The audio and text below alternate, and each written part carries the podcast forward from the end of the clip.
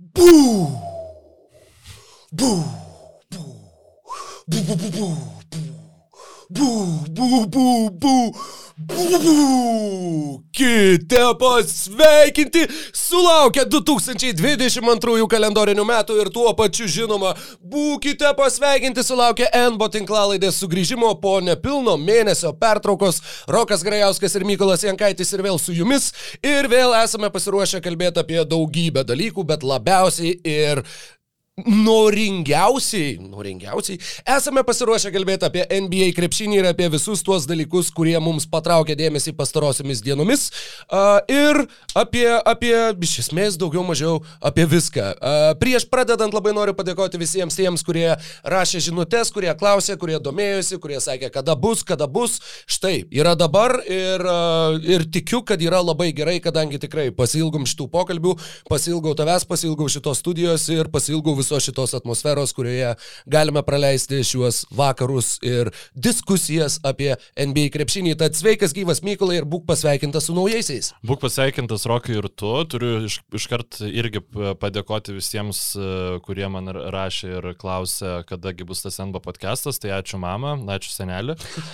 Ir Rokai, šiaip turiu pasakyti, šitas būkite pasveikinti tavo, mm, kiek 80 plus minus girdėjau, mėgstamiausias. Labai, jo? labai į temą. Geras. Tai geras. čia, e, nors įprastai rekomenduojam visada klausyti per audio platformas ir, ir vis šiaip dar ir rekomenduojam mūsų podcastą pasubscribinti ant Spotify, pafollowint ar kokiam overcast'e ar kitokie, kitokiose aplikacijose, bet čia jau visai net ir per YouTube vertėjo pažiūrėti. Okay, su ferverkai okay. susijęt, man, man Geras, patiko, ačiū. man Aš patiko. pa, pa, pakeliu taksį sugalvojau, jo, jo, kažkaip tai galvojau, ką, ką čia apžaisti ir nu, žiūrėk. Labai ačiū, labai ačiū už komplimentą. Pradedam naujuosius metus uh, tikrai labai šiltai, kolegiškai ir, ir uh, negailėdami gražių žodžių vieni kitiems. Aš šiaip žinai, supratau, kad man iš ties nauji metai jau trečius metus šėlės man yra visiškai sporto šventė tokia. Vakare tu įsijungi krepšinį, žinai, dar tam tikrais atvejais prieš, prieš jau šaudamas kokį vakarėlį. Ir tada ryte visą, visą dieną prasideda nuo Premier lygos, nes visas pasaulis pachmėlinasi, žodžiu, tai tu neturi su nieko susitikti, tu neturi, um, nu, ge, maks, kad tu gali padaryti, tai yra išeiti iki parduotuvės, žinai, ir tu gali, žinai, futbolą pažiūrėti, tada susinervinti dėl futbolo, spėjai viską nusiraminti ir tada gali savo NBA žiūrėti. Tai toksai Arsenalo fano dalė. Nu, jo, jo. Šiaip geriausias e, futbolas, kokį teko matyti Arsenalą žaidžiantį kurį laiką ir ironiškai visiems pralaimėjo, bet e, ne apie Arsenalą guostis aš čia atėjau. Ačiū Dievui. O atėjau pasiguosti apie, apie šūdą, kuris dabar yra NBA, tiesiai šviesiai pasakysiu. Um, nu, žiauriai, žiauriai blogoji situacija yra ir aš iš tikrųjų mm, galvojau, kaip aš atlaukiu podcast'o, kad galėčiau uždėti Adamą Silverį į šuns dienas. Prieš tau pradedant, aš noriu vieną, vieną uh, labai tokią trumpą, bet labai gražią detalę uh, paminėti. Daugiausiai pergalių per vienus uh, kalendorinius metus. NBA istorijoje iškovojo 96 metų Čikagos Bulls. 89 pergalės per vienus kalendorinius metus. Tai yra per du sezonus, kaip ir dvi sezono pusės, bet būtent nuo sausio 1 iki sausio 1. E, antra vieta iki šiol priklausė, na, vienvaldiškai priklausė Golden State Warriors 2015 metai 88 pergalės, trečioji buvo 2016 metų Warriors 87 pergalės. Į šį sąrašą įsiterpė viena komanda šiais metais iškovojusi 88 pergalės. Ir susilyginusi su 15 metų Warriors ir jiem pritruko tik tai vienos pergalės iki visų laikų Čikagos Bulls rekordo. Noriu pabandyti atspėti, kas yra ta komanda, kuri štai taip sužaidė nu, geriausiai faktiškai kaip tik tai įmanoma 2021 metus. Mm, reiktų pabandyti. Tai Phoenix'o Suns? Taip, tai yra Phoenix'o Suns, kurie dar atrodo ką tik, atrodė visiškai beviltiška komanda su savo Draganais, Benderiais ir, ir Morisais, Markysais, atsiprašau, Krisais ir, ir kitais visais a, nevykusiais šaukimais, bei nuo pat to trijų a, įžaidėjų eksperimento su Bledsoe, Dragičiumi ir Aizėja Tomasu, atrodė, kad ten vyksta visiškas chaosas ir kad jie niekada iš jo neišbris. Ir būtent šiais kalendoriniais metais jiems pritrūko vienos pergalės. Paskutinės rungtynės su Bostono Celtics gruodžio 31. Jeigu jie būtų laimėję, jie būtų susilyginę su Čikagos Bulls. Man tiesiog smegenys neneša ir, ir labai labai mane nustebino šitas faktas. Nu, čia bet labai norėjau daugiau žaidę negu Čikaga. Kad Nes net nežinau. buvo labai su, Taip, su, su, sutankintas. Čia, čia teisingai, čia labai tai geras pastebėjimas. Labai gražiai aš e, iš tikrųjų tai buvom susiplanavę, kad uh, pakalbėsim biškai apie naujus metus ir panašiai, bet uh, um, ta COVID situacija, kuri dabar iš tikrųjų lemia, kad NBA krepšinis, nu, plus minus tu reikia kažkokio apso, kuris tau praneštų, kad, o, žaidžia norm, komandos su normaliom sudėtim. Tipo, tada tikrai pažiūrėčiau, nes dabar iš esmės um, anksčiau bandydavau tą, kad ryte, žinai, atsikeli ir įsijungi rungtynės nežiūrėdamas jų rezultatą ir tada nu, pasižiūri tas rungtynės ten su iškirptom reklamom ir panašiai. Ne taip, aišku, įtraukia kaip gyvos transliacijos, nes visiems tas dėmesys biškai, biškai kitaip koncentruojasi, bet, bet visiems visai nieko. Dabar, dabar tai, žinai, žinai, nu, tu turi atsi, atsidaryti bokskorą, žinai, visiems pasižiūrėti, kas žaidė, nes, nes nu kiekvieną dieną ten e, ypač crazy buvo prie savaitę prieš kalėdas, kur Bleacher reportas tiesiog, žinai, tu jau, jau, jau lauki, kada prasidės tie mainai, o tau vis viena, tam kovidas, tam kovidas, tam kovidas, tam kovidas, žodžiu, ir um, šiaip e, tikrai, nu, žiauriai prastoj situacijai lyga atsidūrė ir Piko metu, a, gruodžio mėnesį, tai yra kai daugiausiai, nu, piko metu turbūt nereikia iš tikrųjų taip jau a, aktyviai bandyti paaiškinti, ką reiškia piko metu. 125 NBA krepšininkai vienu metu buvo karantine dėl, dėl COVID protokolų. 125. Viso vien gruodį, vien gruodį prie to protokolų apribojimo sąrašo, tiksliau tame protokolo, pro, protokolų apribojimų sąraše, oh, jėzau, buvo 247 krepšininkai. 247 praleido bent jau po, po, po kelias dienas. Tai yra nesuvokiami skaičiai ir tam, kad galėčiau tą iliustruoti, mes šitą jau esam darę. Bet šitas... Uh, o eiktų.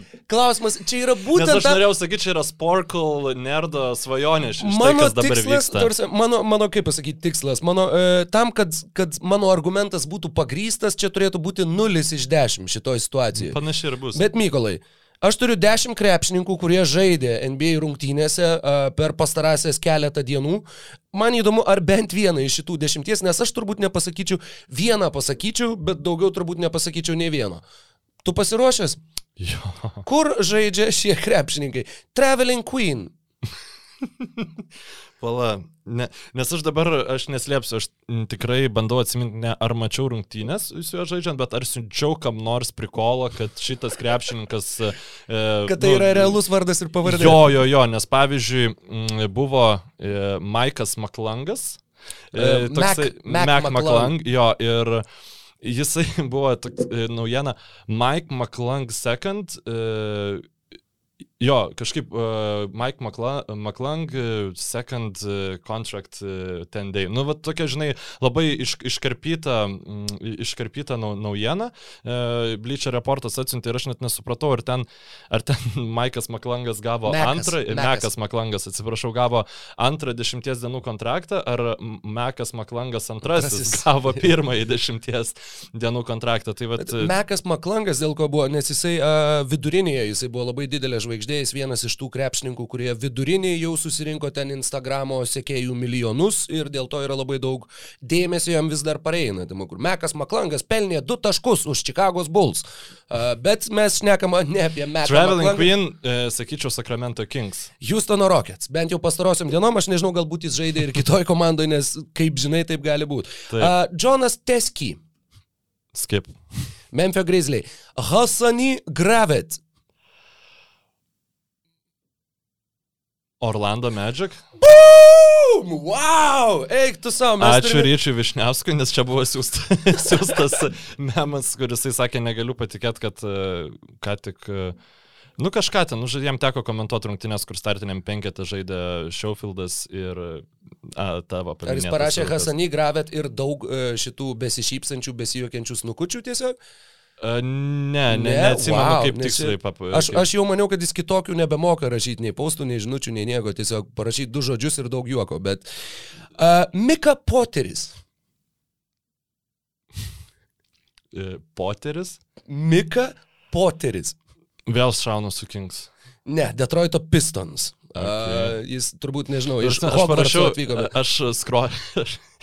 Vis dar man įdomu, ar Traveling Queen žaidė kažkur kitur. Ir aš esu trečiam Google puslapį, aš nerandu. Tre Trevelin rašosi. Ai, okay. Tre Trevelin uh, vardas. Nu, tai e, Heywoodas Highsmithas. Jis skamba lyg du NBA 90s centrai turėjo vaiką kartu ir davė savo pavardės ir vardus. Jo, jo, kur tau darai 2K draftus, žinai, ir tau auto generated 20 draftų 91 metam ir tau dar reikia 10 bent jau padaryti. Um, šitas žmogus, kurio pavardę aš jau dabar pamiršau. Haywood Highsmith. E, žaidžia Chicago's Bulls. Miami Heat. Mm. Išas Wainwrightas. Blemba, aš jį followinu Twitter'e. jis žaidžia. jo, jo, jo. Nu. Kodėl? Nu, nes man šiaip labai patiko, kai jis buvo Raptorsų šitam kempe. Uh, bet aš nepasakysiu. Aš atsimenu, kad ar tai gali būti Filadelfijos 76ers? Phoenix'o Sans. Būtų buvęs mano, nu, tarp šitų dviejų rinkausi, kad kažkaip. Semas Hauseris. Ne. Nu, Ostono Celtics. Kieferis Saiksas. Galiu kartu paminėti ir kitą, ir Dwayną Washingtoną jaunėlį, nes mm. Kieferis Aiksas ir Dwaynas Washingtonas jaunėlis ne tik žaidė, jie du žaidė starto penketę. Uh, ar šią naktį, kartu? ar praeitą naktį. Taip, jie kartu žaidė tos pačios komandos starto penketę. Galiu pasižiūrėti, kas žaidė. Ar čia jau per daug žaidė? Nu, aš tik tai bijau sumeluoti, kurią naktį. Ar čia buvo šią naktį, ar praeitą naktį. Ar... Ai, nu nesvarbu, gerai. E, dar pakartok, prašau. Kieferis Saiksas. Šarlotės Hornets. Ne, jie du žaidė. Kieferis Saiksas ir Dwaynas Washingtonas žaidė starto penketę kartu su Domantu Saboniu už Indianos Pacers. A. Jo, neįtikėtina. Ir Dževinas Delaurier. Javin Delorė, agės, aš net nežinau, žinok. Tu dabar Milvokio skambi Bucks. kaip lietu, lietuvis krepšinio fanas virš 50, kur kai Lietuvos rinktinė pralaimi kokiam nors, arba Žalgeris pralaimi kokiam nors random klubui ir, nu, čia tas Delorier, kur čia prileidžia tiems čia visokiems, žinai. Tai, ja, tai sakau, tu vieną iš dešimt atsakėjai, tu jau viršiai mano lūkesčius. Nu, blem, bet... žinok, dėl, dėl Wainwrighto tai nusivylęs savimi esu, nes uh, tikrai, nu, šitą žinojau. Jau vien vardų ir pavardžių yra tokių, kur tu žiūri ir galvoji, nu, nu negali gali būti, kad čia realus žmogus, nu iš kur, bet tuo pačiu mes matom į NBA grįžusius Joe Johnsoną, Lensą Stevensoną, kuris grįžo į Indianą, uh, sužaidęs prieš tai pažaidęs jo. Mario Chalmersas grįžo į Miami Heat. Gregas Monro žaidžia už Minnesotos Timberwolves. Yra tų pavardžių, kur irgi tu jau. Ir vis dar už nieką nežaidžia J.R. Smithas. Aš nesuprantu. Jis dabar buvo... žaidžia golfą. Jis Nes čia gavo... buvo toksai obvious, nu kad, nu, tipo, kada for the memes. Aš manau, kad jisai galbūt net ir Nes negali. Jis, jis parašė, sako, aš A. laukiu, kvieskit mane, tipo, wow. sako, bet wow. kas gali žaisti, kodėl aš negaliu. Nu jo, jeigu Kyferis Aiksas žaidžia startą. Nieko nėra uh, žaskiau, kai tie bičiai, nu ten Aronas Vyginsas, pavyzdžiui, gauna tą dešimties dienų kontraktą, sužaidžia du gerus grajus ir pats eina į savizolaciją. Nu, ta prasme, uh, situacija yra tikrai labai bloga, dėl ko jinai tokia atsitiko. Tai atsitiko iš esmės dėl to, kad e, kai tu esi vakcinuotas, e, pagal protokolus nebuvo panaikintas šį sezoną kasdieninis e, testavimas, kuris buvo praėjusi. Ir testuojama yra tik tada, kai, nu, tu esi exposintas, nu, komandos draugė, žodžiu, kai komandai prasideda outbreakas, tada jau testuoja visus ir tada atranda visus besimptomius. Ir tiesiog, kai, nu, dėl to, pavyzdžiui, kai Alvinas Gentry buvo pirmas e, COVID keisas sakramente, jam Artūras Karnišovas, net, nu, bent jau Vaužas taip rašo, kad Artūras Karnišovas pasakė, nu dabar jau pasiruoš, dabar jau bus blogai. Ir ten e, šiaip labai geras šito Karnišovo Vožnarovskis straipsnis yra, nu, gal dėl labai geras, įdomus. E, straipsnis yra būtent apie COVID šitą omikrono, omikrono atmainos outbreak NBA lygui, kur pavyzdžiui nu, ne tik žaidėjų reikia ieškoti, bet reikia ieškoti, kas, pavyzdžiui, e, su, uždės e, vardus ant maikių tų žaidėjų, nes nėra to bičio ir nėra to bičio, kuris jį pavaduoja ir nieko nėra, žinai, tu pasiemi... su neskalbtom aprangom. Taip, nu, iš esmės e, tikrai situacija yra arti to.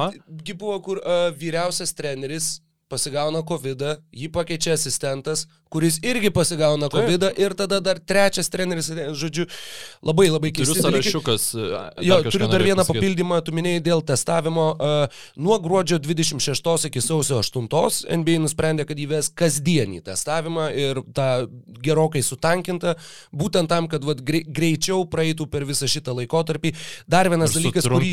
Jo, sutrumpino izolacijos laikotarpį. Uh, vienuose šaltiniuose rašo, jog nuo savaitės iki penkių dienų asimptomų simptomatiškiems ir skiepytiems krepšininkams, kitur rašo, kad nuo 10 iki 6 dienų. Tai man atrodo, kad 10 būdavo tas įprastas, galbūt jisai skiriasi 10, jeigu tu nesi asimptomatiškas arba nesi pilnai paskiepytas, bet, e, žodžiu, na, šiaip ar taip tas izolacijos laikotarpis yra mažinamas ir siekiama būtent taip pravažiuoti per šitą laiką ir, nu, žinai, iš vienos pusės žiūrint jo, mes turim tas rungtynes, kur tu įsijungi, pasižiūri, kas žaidžia, nu, ir išjungi. Nes, nu, tikrai, nuoširdžiai, nu, nu, nu, nėra labai jau seksualu žiūrėti, kaip Gregas Monro žaidžia prieš Boston Celtics ar, ar panašiai.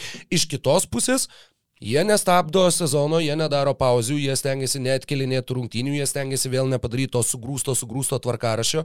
Ir... Jis ir taip yra sugrūstas, aš atsiprašau labai, bet šita pandemija buvo nu, tai yra tra tragedija, tai yra pasauliniu mastu, tai yra nu, tikrai beprecedentis, tragiškas įvykis, bet tai buvo auksinė galimybė NBA pasibandyti, bent biški išbandyti NFL tipo modelį, nu, be abejonės, netokį drastišką, bet sumažinti rimtai rungtynių skaičių, remiantis tuo, jog tai yra fucking pandemija ir mes turim e, tris mačius per rungtynės ir jeigu bus e, per savaitę, atsiprašau, e, arba keturis ir jeigu bus ir e, šita m, protrukis pandemijos, tai nu, tada bus labai blogai, e, kris, kris žaidėjai, nu, perkeltinė prasme, e, negalėsim e, išleisti, žaisti žvaigždžių, niekas nežiūrės rungtynių, nu, tai kas vyksta iš esmės dabar. Ir tai nebuvo padaryta, buvo daroma viskas, kad tik tai e, kuo normalizuoti e, ant popieriaus, kad paskui e, prieš, žinai, po, po 20 metų darant NBO podcastą mes galėtumėm, nu va, čia, čia tas Lebronas 37 čia va sužaidė labai gerai, čia daug visko averagino ir taip toliau.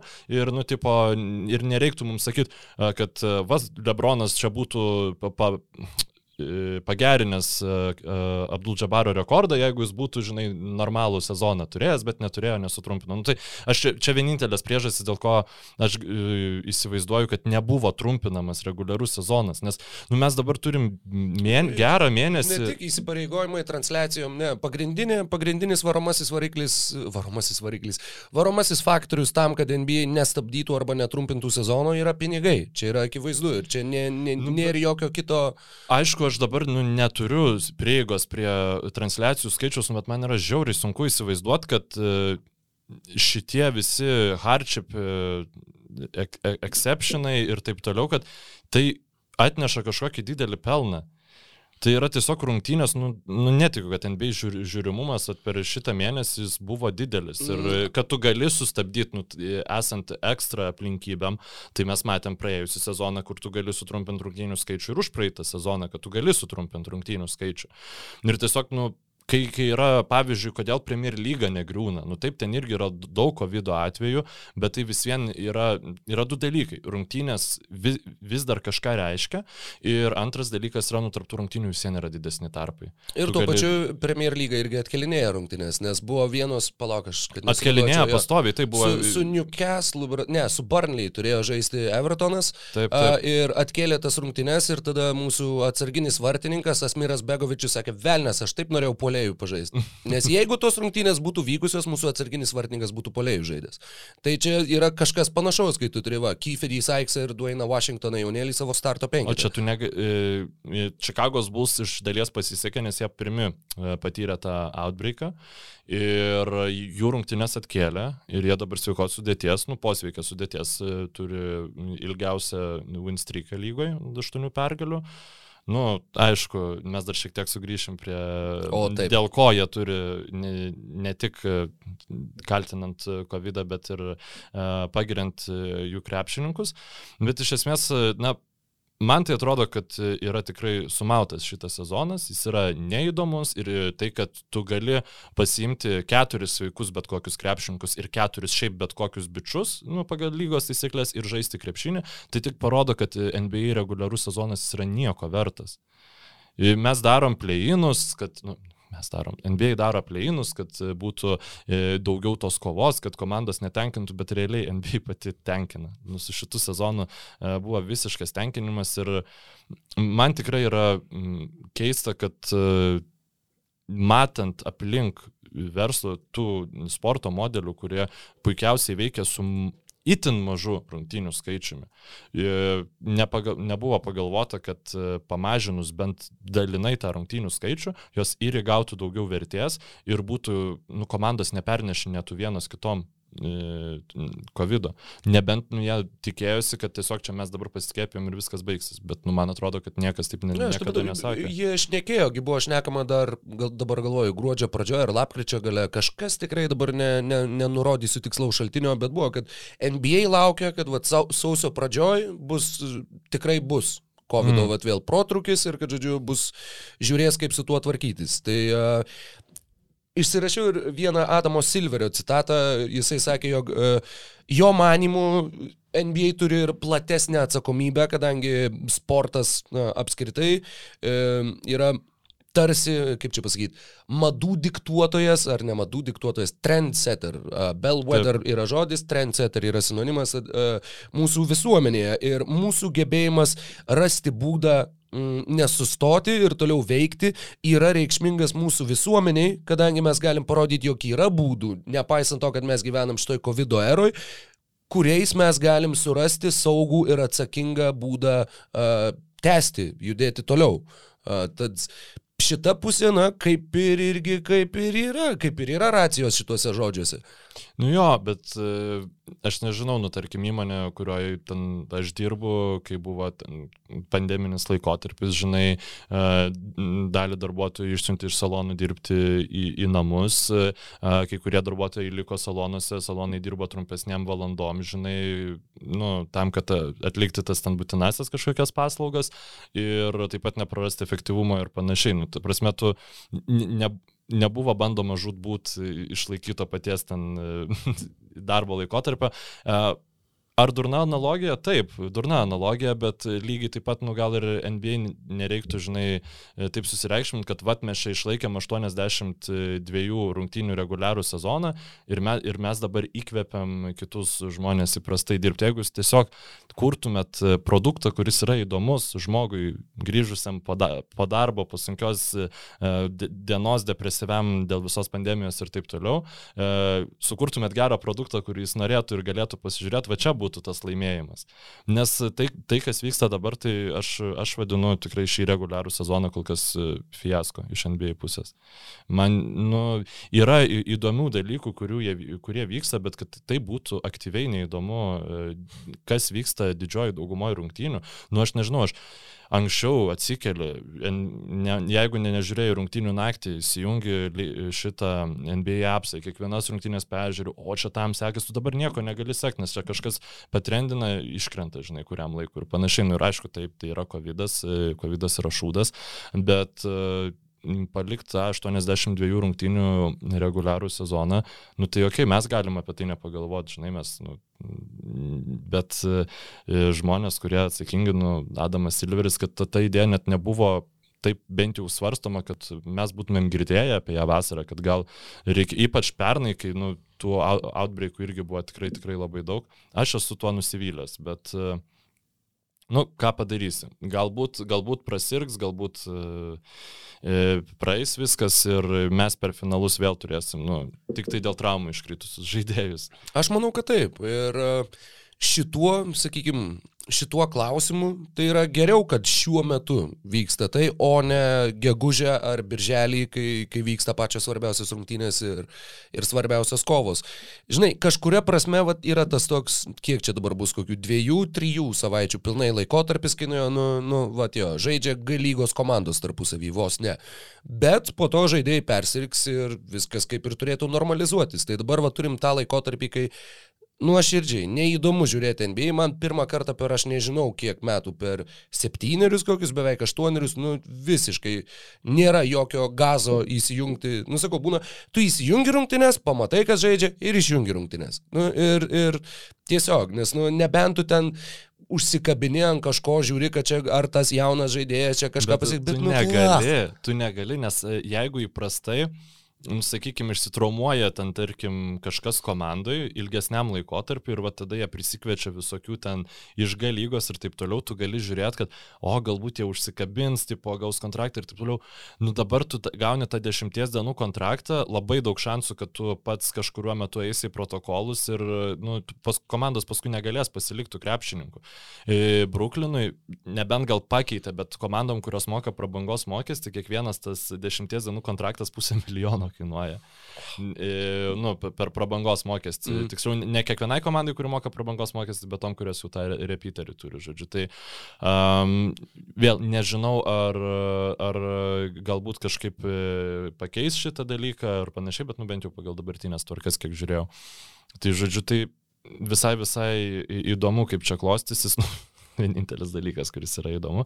Bet komanda, kuri persirgo, e, komanda, kuri, komanda, kuri susitvarkė labai daug dalykų vasarą ir dabar tvarkosi rytų konferencijų ir šiuo metu yra pirma.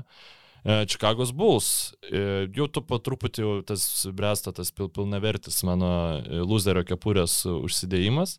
Čikagos klausimų, nes jeigu jie išliks tikrai pirmoji, pirmoji arba antroji pozicijoje, tai jie ir pirmą playoff raundą praeis. Jau tada kažkaip vadinti tuos ėjimus nesėkmingais ir panašiai bus galima nebent labai tolimoje retrospektyvai, jeigu mano teorija pasiteisins, kad jie čia yra geriausia, ką jie gali padaryti su šitą komandą, nu tai yra šis sezonas. Bet jeigu tai nepasiteisins, tai aš jau, jau, jau dabar turiu e, pripažinti, žodžiu, pralaimėjimą, kritikuodamas e, ypač Derauzano sainingą, tai tikrai, tikrai, nes... E, tai yra didžiausias, man asmeniškai, didžiausias netikėtumas, tai kaip atrodo Derauzanas ir kaip atrodo Chicago's Bulls ir tuo pačiu, turbūt didžiausias džiaugsmas šitam sezone atsižvelgiant į, į ne tik irgi į tai, kad tai yra Bulls, į tai, kad lietuvis pastatė šitą komandą, bet tuo pačiu ir dėl Demaro Derauzano visos istorijos, dėl jo kovos su, su visais psichologiniais demonais, su depresijom, su kitais dalykais. Jis buvo pirmas žaidėjas, kuris apie tai prabilo, pirmas, kuris patraukė dėmesį į psichologinės sveikatos reikšmę. Vėliau tą patį padarė ir Kevinas Lavas, papasakojęs apie savo panikos atakas ir, ir apskritai apie visą mm, socialinį, kaip čia pasakyti, socialinį šiltnamį, kuriame mes gyvenam ir kuriame tos problemos labai labai lengvai auga. Apie tai, kaip mes visi, ypač vyrai, berniukai, esame mokomi, žinai, ne, nereikšti savo emocijų, niekam čia nieko nesakyti, viską turi iškest pats ir čia ir panašiai ir panašiai. Ir kad po visų tų, na, po to, kai Derauzinas buvo iškeistas iš Toronto, po to, kaip aš nekėjau apie, apie būtent tai, kaip, kaip susiduria su visom problemom ir sunkumais po tų San Antonijų praleistų tokių dviejų nelabai kokių sezonų, matyti, kaip dabar jisai žydį, yra, yra labai labai didelis įkvėpimas. Ir tuo pačiu, tai yra, manau, kad ne vienam žmogui, kuris susiduria su kažkuo tai panašaus, matyti būtent konkrečiai Demarą Derauziną ir tuo pačiu ir Keviną Lavą, kuris taip pat žaidžia geriausią sezoną per keletą metų yra labai didelis įkvėpimas ir labai didelis uh, toks pakilėjimas, kad štai žmonės, kuriem irgi, kuriem būna sunku, kurie gali palūšti, kurie gali pripažinti, kad jiem yra sunku, gali galiausiai išlipti ir gali mėtyti tokius metimus rungtynių pabaigose, tai buvo kažkas fantastiško. Aš atsimenu, kai sausio pirmą Demaras Darozanas dar Toronte žaisdamas uh, Detroitui sukratė kiek 52, man rodos, taškus, kai Valančiūnas stovėjo su 52 užrašu kaip šimtas Chamberlaino ir kai sugrūdo tą dėjimą, jo, per jo. galvas, vis, nu, kur buvo visiškai toks emocinio proveržio epizodas. Ir dabar gruodžio 31, tu kosminiu, kosminiu metimu nužudai Indianos Pacers, išplėši pergalę ir sausio 1 tu kosminiu metimu nužudai Washingtono Wizards ir išplėši dar vieną pergalę.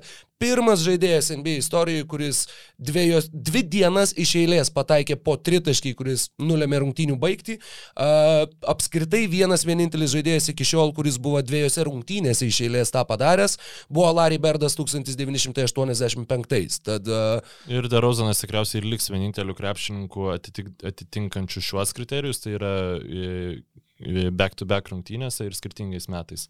Šitas tai tikrai yra nepakartojama, bet, bet ir apskritai back-to-back -back rungtynėse ir, ir maniau, kad dar vardydam, vardindamas tuos kriterijus dar pridėsi ir depresiją, bet, bet ir be to tai yra daugiau negu įspūdinga. Ir Chicago's Bulls, taip, aštuonios pergalės iš eilės, dar prieš tai, kai jie buvo iškovoję penkias pergalės iš eilės, mane privertė šyptelt pamačius, kad tai yra pirma penkių pergalių serija Zeko Lavino NBA karjeroje. Ir kai pagalvoju, wow, nu jo, nu tu žaidėjai, jo, ne pačiose geriausiose komandose, bet štai ir Zekas Lavinas, ir tas pats Lonzo Bolas, ir Damaras Darozanas, ir Nikola Vučevičius. Tai yra tie žaidėjai, kurie visi turi ką įrodyti, visi, visi sulaukia savo kritikos ir visi iš tikrųjų susitelkia kaip kumštis ir nuvelniškai smagu yra matyti Čikagą šitaip žydinčią ir šitaip atsigaunančią. Na, aš visiems šiek tiek pa, pa, paburbėsiu apart to, kad, apart turbūt nevartotinas žodis, neskaitant Manau, to, kad e, Nikola Vučevičius labai gerai tinka tiesiog savo profiliu prie Demaro Derauzano konkrečiai ir Zeko Lavino. Bet šiaip tai nežaidžia jis dar kol kas, net netranda to savo žaidimo Čikagoje. Aš nu, vis dėlto manau, kad norint Čikagai rimtai pretenduoti į e, vietą finale, o taip Kaip klostosi įvykiai šiaip NBA lygoje pastaraisiais e, metais apskritai, turint omeny e, COVID reguliar, reguliaraus sezono metu, turint omeny e, kokį, kokį mes traumingumą turėjom praeit, praeitais metais playoffuose, tai irgi, aš atsi, kaip aš atsiminsiu 21 metus, tai kad tiesiog m, buvom apiplėšti mes nuo geriausio krepšinio atkrintamosiose, nes tiesiog e, vienas po kito geriausi lygos krepšininkai krito. Ir ta tas vaisius turbūt e, čempionų žiedai kabo turbūt žemiausiai, mm, kiek aš domiuosi NBA šį sezoną. Tai yra laimėti gali labai, labai nu, pasiektas gali labai labai daug kas. Ir reikia pripažinti, kad e, būdami sveiki, Čikaga nu, galbūt ir gali. Jeigu Kevinas Durantas gauna traumą, Netsus ją gali nunešti. Ne, ne, tai aš manau, kad ir be Duranto traumos ją gali Netsus nunešti. Aš, manau, kad, kad, aš nemanau. Ja? ja, aš manau, kad Milvokio Bucks yra ta komanda, kuri, kur, prieš kurią Čikaga būtų velniškai sunku ir, ir nu, taip mažai tikėtina, kad jie išliptų. Bet uh, Bruklinas ar nežinau, Miami's, Filadelfija, aš matau, kad Čikagos Bulls gali laimėti prieš bet kuriuos iš jų. Ir jeigu Milvokis netyčia kristų anksčiau kažkur tai, o buliai toliau žygiuotų, jie gali nukeliauti iki NBA finalo. Tiesa, greičiausiai, kas išeis iš vakarų konferencijos į sieną būtų favoritai. To, tokios scenarijaus atveju. Na, jeigu Hardenas žais bent jau taip, kaip žaidžia pastarosiam savaitėm ir Kevinas Durantas negaus mm, traumas, Aš tai nematau, kaip jie gali Brukliną pasidaryti vis dar, bet, nu, turbūt aš nieko dabar nebegaliu blogo.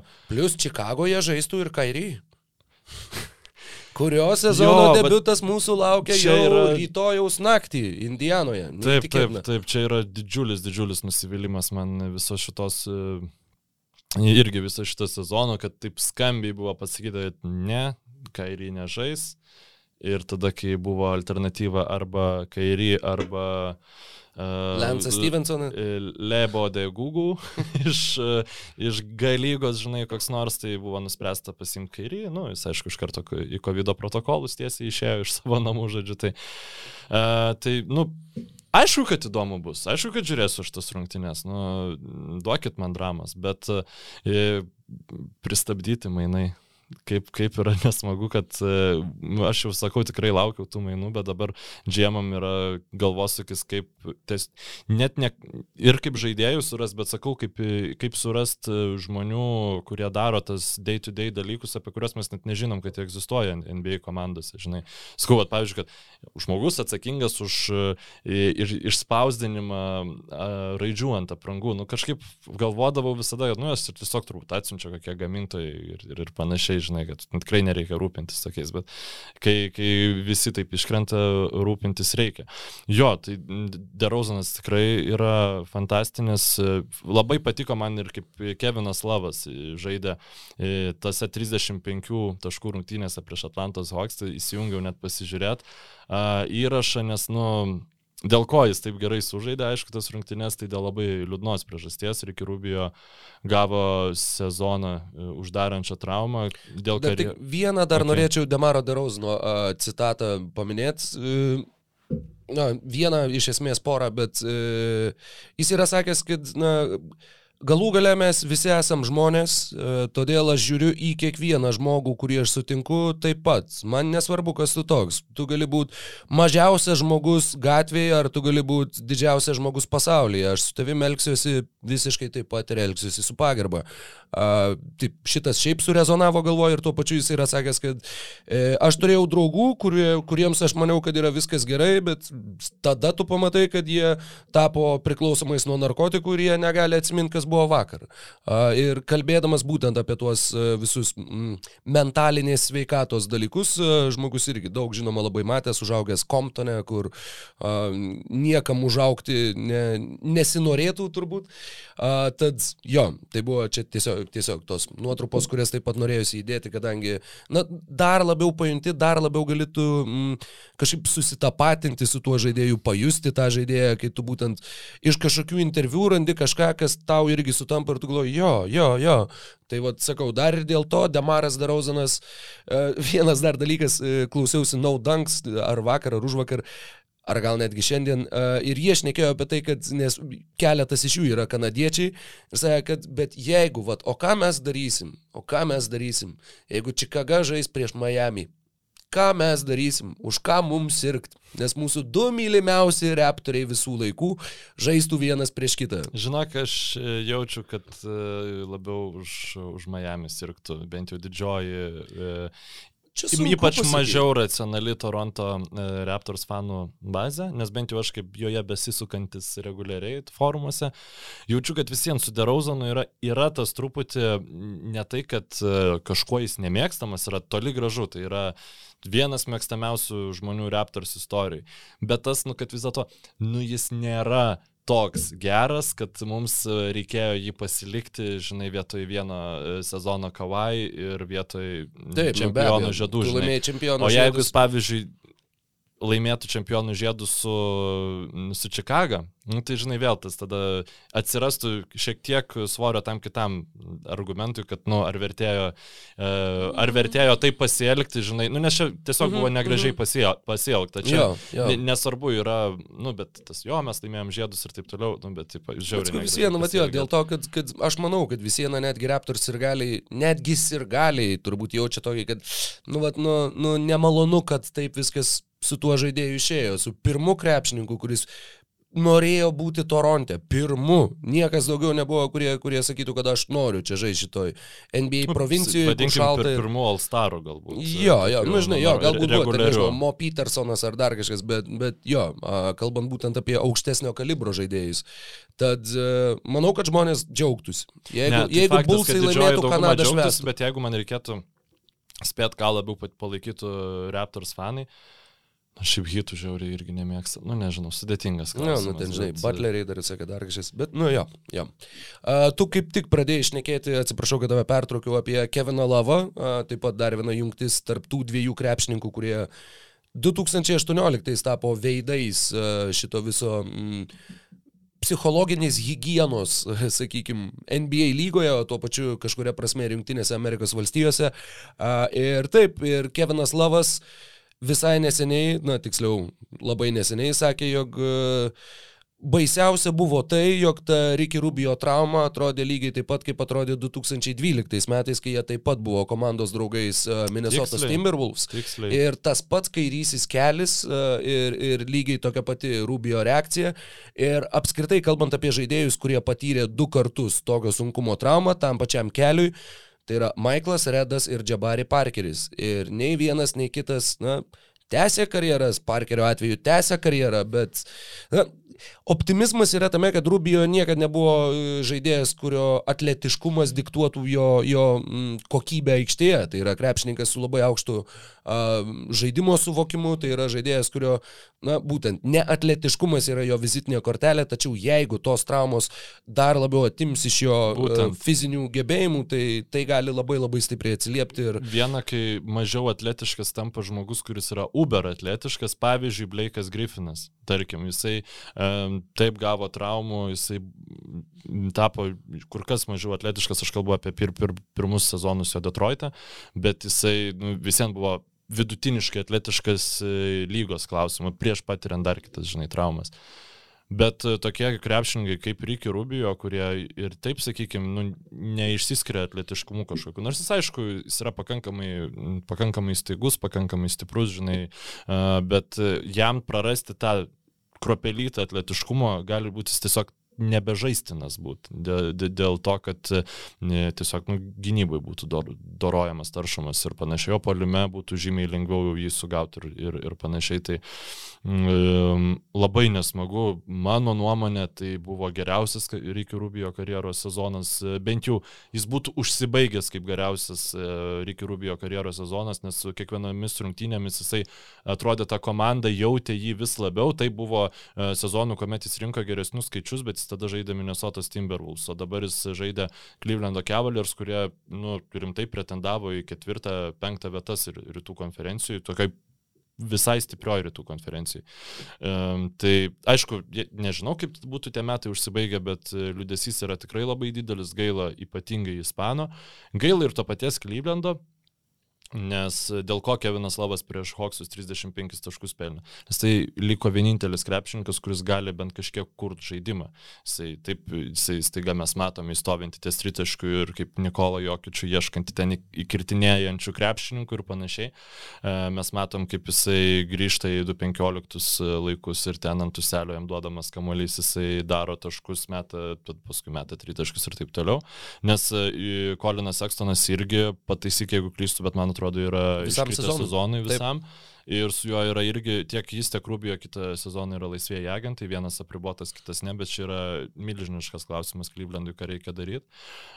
Garlandas turėtų grįžti neužilgo, jo, jo, po traumos, tai, tuo pačiu jis tai yra, mhm. sakyčiau, šį sezoną Garlandas dabar jau lieka svarbiausias Klyvlando krepšininkas, nes tai yra tai absoliučiai, jo turbūt jūs atžiūrėtas išauks iki top 5 lygo įspėjų, kai jisai grįž po Ricky Rubio traumas. Uh, Nebent žmogus, kurį išsimainė Klyvlendas, kuris buvo Taip, toks... Pirmieji mainai atlikti ir kol kas vieninteliai mainai atlikti šiame sezone. Beje, Klyvlendas pergalės rinko tuo, kad jie buvo labai gera gynybinė komanda. Trečia geriausia ir gynyba lygoje. Tikrai prisidėjo prie to. 15 polimas, tad vidutiniškas polimas ir labai gera gynyba. Bet Bet, bet, bet, bet, bet, būtent bus įdomu, kaip pavyks Ražonui Rondo kompensuoti tą netektį. Aš tik greitai noriu pažiūrėti.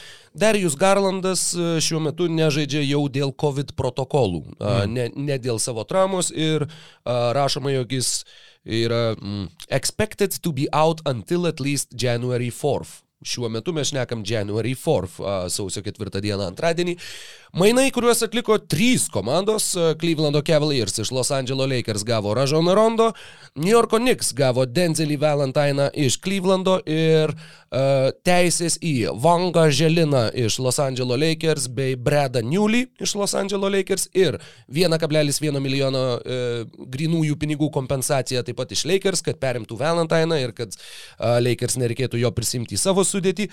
O Lakers taip pat gavo teisės į Luisą Laberį, Kitaip tariant, faktiškai negavo nieko. Čia į tą patį Bredą Niulį, kuris žaidė taip, Lietuvos rytą taip, ir jam, kuriam dabar yra 36 taip, metai. Taip. Nu, fantastika. Čia, čia tas pats, kas Ronaldo Seibučio teisės, kurios e, taip pat buvo iškeistos e, kažkada, ne taip ir seniai, prieš gal penketą metų. Jis vis dar aktyvus krepšininkas yra pasirodo, aš galvau, kad čia iš vis būtų fenomenalu, jeigu iš jau pa, karjerą pabaigusi krepšininko teisės. Ne, ne, ne, oficialiai jie turi būti nebaigę dar karjeros, kad tu galėtum juos įtraukti ir tos teisės yra, kai tu neturi ką atiduoti arba nenori nieko prisimti tiesiog dėl savo algų situacijos. Pasilgstu tų laikų, kai būdavo galima Kailo Korverį į fakso aparatą iškeisti. Nu bent jau praktinės naudos kažkokios, žinai. Na, jo, dabar jau, žinai, 1,1 milijono, kuriuos nieksai gavo iš leikerių, tai gal nusipirks kokį ten, nežinau, 3D printerį ar, nu, ar tai kažką tai panašaus. Nu, bet, okay, ar bent jau aparatą, kuris galėtų spausinti žaidėjų pavardas ant marškinėlių, kad, kad galėtų pakeisti tą bičią, kurio dabar nebe. Uh, vienas dalykas, kur, žinai, aš šiaip jau, šiaip jau nemėgstu, mm, kaip čia pasakyti, mėtyti akmenų į svetimus daržus, bet uh, vienas iš lietuviškų krepšinio naujienų puslapių uh, parašė naujieną tai apie šituos mainus. Uh, aš nežinau, ne, žinai, nemėgstu mėtyti akmenų į svetimus daržus. Tai čia į savo daržą mestum. Ne, parašė, žodžiu, kad štai taip, va, jo, va, Klyvlandui. Uh, atliko va, komandos šituos mainus, e, Clevelandui reikėjo, žodžiu, įžaidėjo, nes, nes Ricky Rubio gavo traumą, o Los Angeles Lakers e, labai reikia pokyčių, nes tai jie stringa. Dude, what? Ką? Ką? Ką? Todėl jie atidavė rondo ir nepasėmė nieko. Čia, nu, va, ta, negaliu. Nu, mane žiauriai erzina, kai nėra logikos kažkame ir, nu, tiesiog buvo, perskaičiau sakinį ir, ir tiesiog iššoko ant, antakiai ant kaktos ir galvojau, nu jo, nu jo vyrai. Mhm, tikrai. Leikeriam reikėjo šitų mainų, nes jiems reikia pokyčių. Super senis, super. Pernai Rondo nepasiteisino panašioj situacijai, kai buvo paimtas į Atlantos Hawks tikintis, kad uh, bus vienintelis krepšininkas, nes koks irgi turėjo trejangą ir daugiau iš esmės nieko. Ir, Jie turėjo, man rodos, Krisa Daną, bet jis nežaidė dėl traumų. Tad, e, tad, tai taip. ir, ir Rondo netapo tuo, buvo paskui užsiūstas į Clippers, kur irgi ne, nesužydėjo taip, kaip sužydėjo nu, už Lakers playoffuose. Tai kaip, šiaip e, žaidėjas atrodo gan logiškas. Ricky Rubio irgi buvo toksai, kur nu, per daug niekur kažkokios didelės įtakos kaip ir nedarė, nu mano nuomonė, ir Klyvlendai jisai sužydėjo, nes geriau už jį nebuvo ir jisai labai padėjo atsiskleisti jauniesiam krepšininkam ir taip toliau. Na, Rondo ant popieriaus irgi teoriškai toks. Panašus tipažas, kaip. Bet ir... man atrodo, kad, nu, Klyvlendo vietoj tai aš dar bandyčiau užmesti tinklus į kokį Satoranskį, kuris dabar vertės beveik neturi ar panašiai, nes gali būti labai blogai su Rondo ir reikia atsarginį planą turėti. Nu, vien, vien kad su Rikiu Rubio paėjo, tai, tai nereiškia, kad su Rondo irgi. Nu, bet paės. žinai, du žaidėjai, abiejų vardai prasideda raidė R, iš penkių raidžių, abiejų pavardės prasideda R, baigėsi O, iš penkių raidžių. Bent bent jau tam bičiui, kuris spausdina pavardės ant marškinėlių. Gerai, gerai. Ir, tie, ir fanai galės lengviau, žinai, mm, persiklijuoti jo, jo. R.R. žvaigždutė, žvaigždutė, žvaigždutė O. Nu, va, ir viskas. Tai gerai, paspėliokim gal biškai, kaip ar Rondo žais daugiau negu 20 minučių per rungtynės su šitą komandą turėtų, manau, bent jau pradžioj, ar galbūt pradžioj. Ar galbūt... užbaigs sezoną basketball reference prie Clevelando 20 e, minučių per rungtynės parašyta? Ne.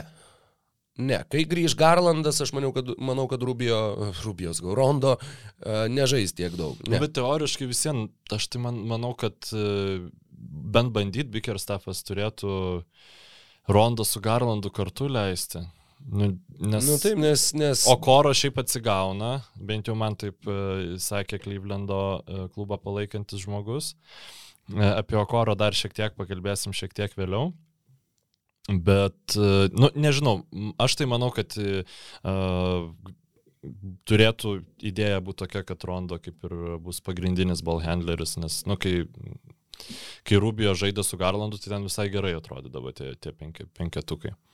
Beje, Clevelando Cavaliers kalėdų pirmą dieną pratęsė kontraktą su JB Bickerstaffu iki 2027 metų. Nu, šimtų procentų neišdirbsi. Šimtų procentų. Nu, nu, 99. Niekas tiek neišdirba. Nu, jo, 99. Bet... Jo, yra, yra Erikas Polstra, yra Gregas Popovičius, yra pavyzdžių, kai treneriai dirba tiek laiko, bet... Clevelandas mm. dabar yra pavojingiausiai situacijai, kokioje gali būti jauna komanda. Nes jie turi Evaną Maublį, kuris yra panašu, kad e, arti generational e, talento ribos. Turi Jared Alleną, kuris, kurio yra susaistę savo ateitį. Tai ir yra... apie kurį jau yra kalbama, kad jis šiais metais galbūt net gal atsidurs visų žvaigždžių rungtynėse. Jeigu kažkas dar iškristų dėl traumų, nu jis yra toks paraštėse to. Tad... Sabonis. Jo, labai labai džiugu šiaip jau dėl Jareto Alano ir tai, kaip jisai atrodo ir kur atrodė šimtą milijonų duot Jareto Alanui, dabar atrodo šimtą milijonų duot Jareto Alanui, jis yra puikiai tai komandai tinkantis žaidėjas. Jo, tada yra Darius Garlandas, kuris irgi yra įsivaizduojam, nu, be, be abejonės e, prognozuojamas kaip e, ateitis, veidas galbūt šito klubo. E, su Lauriu Markenenu, aš manau, ten didelių super simpatijų jam nėra, gali jisai kaip ir šeštas žaidėjas kilti nuo suolo, ta prasme didelės tragedijos tikrai neįvyks, jeigu tai būtų. Nu, bet tuo pačiu jisai sudaro tą, tą jų nestandartinį Taip, tri, bet, trijų banginių penketą. Nu, aš nemanau, kad atsiradus galimybėj vietoj uh, Markaneno, Markaneno pasimti elitinį bylą ar kažką, jo, žinoma, žinoma. trečią numerį kažkokį, tai, tai žinoma, problemos jo, jis, jis tikrai nėra uh, neliečiamas šitoj komandoje mainų klausimų. Tai iš esmės dabar lieka dvi vietos tam, sakykime, startiniam penketė, žinai, ir kaip, kaip tu bandysi jas užkišti. Ar tu eisi naujo Erleno Pelikans keliu, kuris yra, turiu jauną žvaigždę, Anthony Davisą, ir tada bandau kiek, per kiekvieną uh, laisvųjų agentų rinką pasiimti e, kaip įmanoma geresnius krepšininkus, kad tu su ta žvaigžde kaip įmanoma anksčiau rodyti rezultatus. Ar tu eisi kokiu, nu, Golden State Warriors keliu arba Oklahoma City Thunder before it was Oklahoma City Thunder, tai, nu, so Hardeno, so Duranto, Seattle Supersonics? E, jo, jo, e, Hardeno, Duranto ir Vesbruko keliukai, tu, tu matai, kad tu turi labai gerą krepšininką, tu leidi tai komandai galbūt žaisti biški blogiau, negu jinai galėtų žaisti atlikus tam tikrus pastiprinimus ir tada tu gauni dar vieną žvaigždę. Nes man visiems tokia, aš labai esu tas žmogus, kuris vertina kaip šita, visada komandas vertina per tą prizmę, kaip jie gali laimėti žiedus. Ne kaip jie gali laimėti 50 rungtynių reguliariam sezone, bet žiedus. Ir skirtumas tarp šito yra žiauriai, žiauriai didelis. Ir nu, dabar va ta Rubio trauma ir Sextona, jos gali šiek tiek net naudą išeiti Clevelandui. Nes jie nebus taip įpareigoti jam pasiūlyti kontraktų. Nes įsivaizduok, jeigu Clevelandas užbaigė, nu, sakykime, kokie ketvirti e, rytuose, pakovojo gerai pirmame raunde, galbūt net įlaimė, Ir e, Seksonas žaidžia neblogai, Rubio žaidžia neblogai ir tu tada duodi dar jiem kontraktus pratęs. Ir tu tada jau viskas iš esmės esi įcementavęs savo komandą. Ja. Ką gali laimėti komanda su e, nu, šitų realiai startiniu penketu?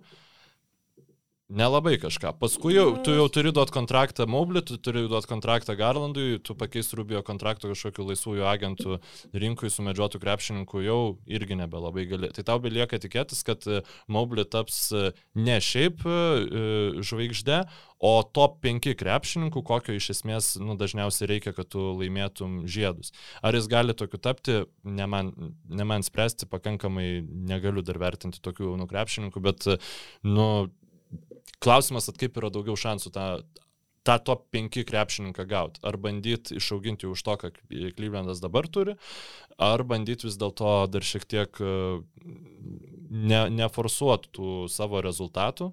E, pabūt, nu gerai, bet pabūt žinai su Rondo galbūt ateinantį sezoną ar su kažkuo prastesniu ir e, biržai pasimti dar vieną kompanijoną, tam padaryti jau, jau, jau normalų kontenderį. Nu, aš, aš ne, nesakau, kad vienas kažkuris būdas yra teisingas, bet e, tikrai matėm labai nemažai pavyzdžių, kai komandos per anksti užsihypina savo mhm. tuo jaunų brandoliu ir e, realiai tiesiog e, finansiškai sugriauna savo ateitį.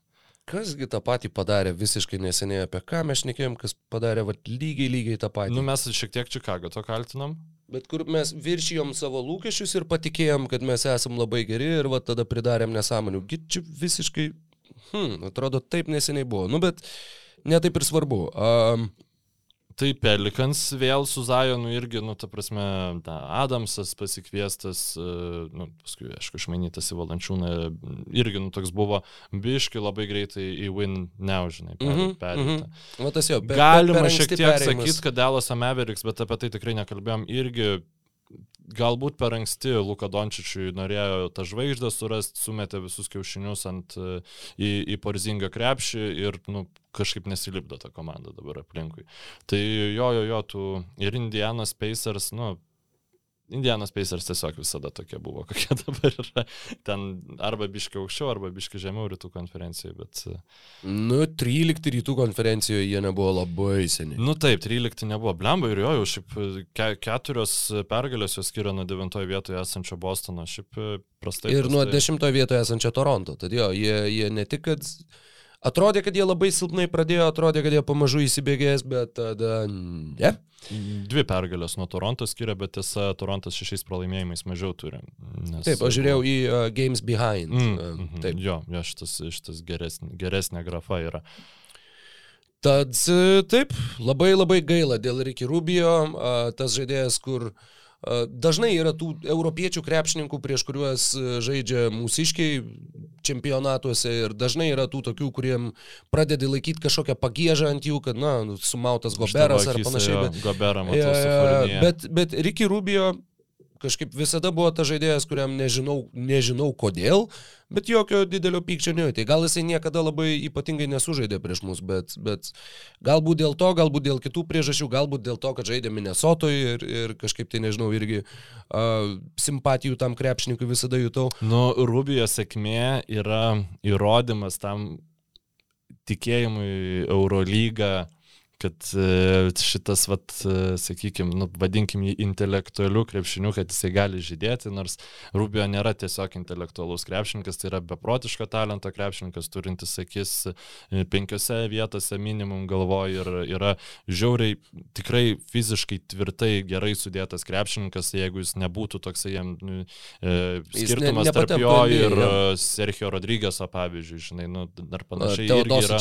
Taip, yra labai labai didelio dalim fizinis sudėjimas, tai, nu, žiauriai gaila, kad e, iš tikrųjų, ta, aš dėl 12 metų taip ge- gerai atminties neturiu, bet irgi, nu, jis buvo arti virsmo ribos, atrodė į tą elitinį. Apskritai, jie tada turėjo, man atrodo, kad kai jisai gavo traumą, a, jų pergalių pralaimėjimų santykis buvo viens prie vieno. Ta prasme, kad jie turėjo kas 50 Minnesota procentų. Yra, Jo, ir kad jie atrodė, kad jie kaip ir kyla, jie ta jauna komanda, kuri jau įsibėgėja, ir tada ta trauma viską nukirto, ir, ir tada ir subirėjo, ir galiausiai uh, birėjo ir toliau, ir toliau, ir kaip vienintelį kartą Minnesota per jau vos ne 20 metų žaidė atkrintamosiose varžybose, tai žaidė tada, kai Tomas Tibodo išmainė Ricky Rubio į Jutą ir pasėmė uh, žaidėją, kurį Timberwolves ir gali vis dar vadina JFT, tai Jeff fucking Tig, uh, ir, ir su juo jie žaidė, bet Rubio taip ir nežaidė niekada su Timberwolves atkrintamosiose ir būtų žaidęs turbūt su Clevelandu šiais metais, bet dėja, dėja. Na, aišku, žaidė su Juta, nėra taip, kad įdomu, nebūtų visai žaidęs. Clevelandas žais atkrintamosiose.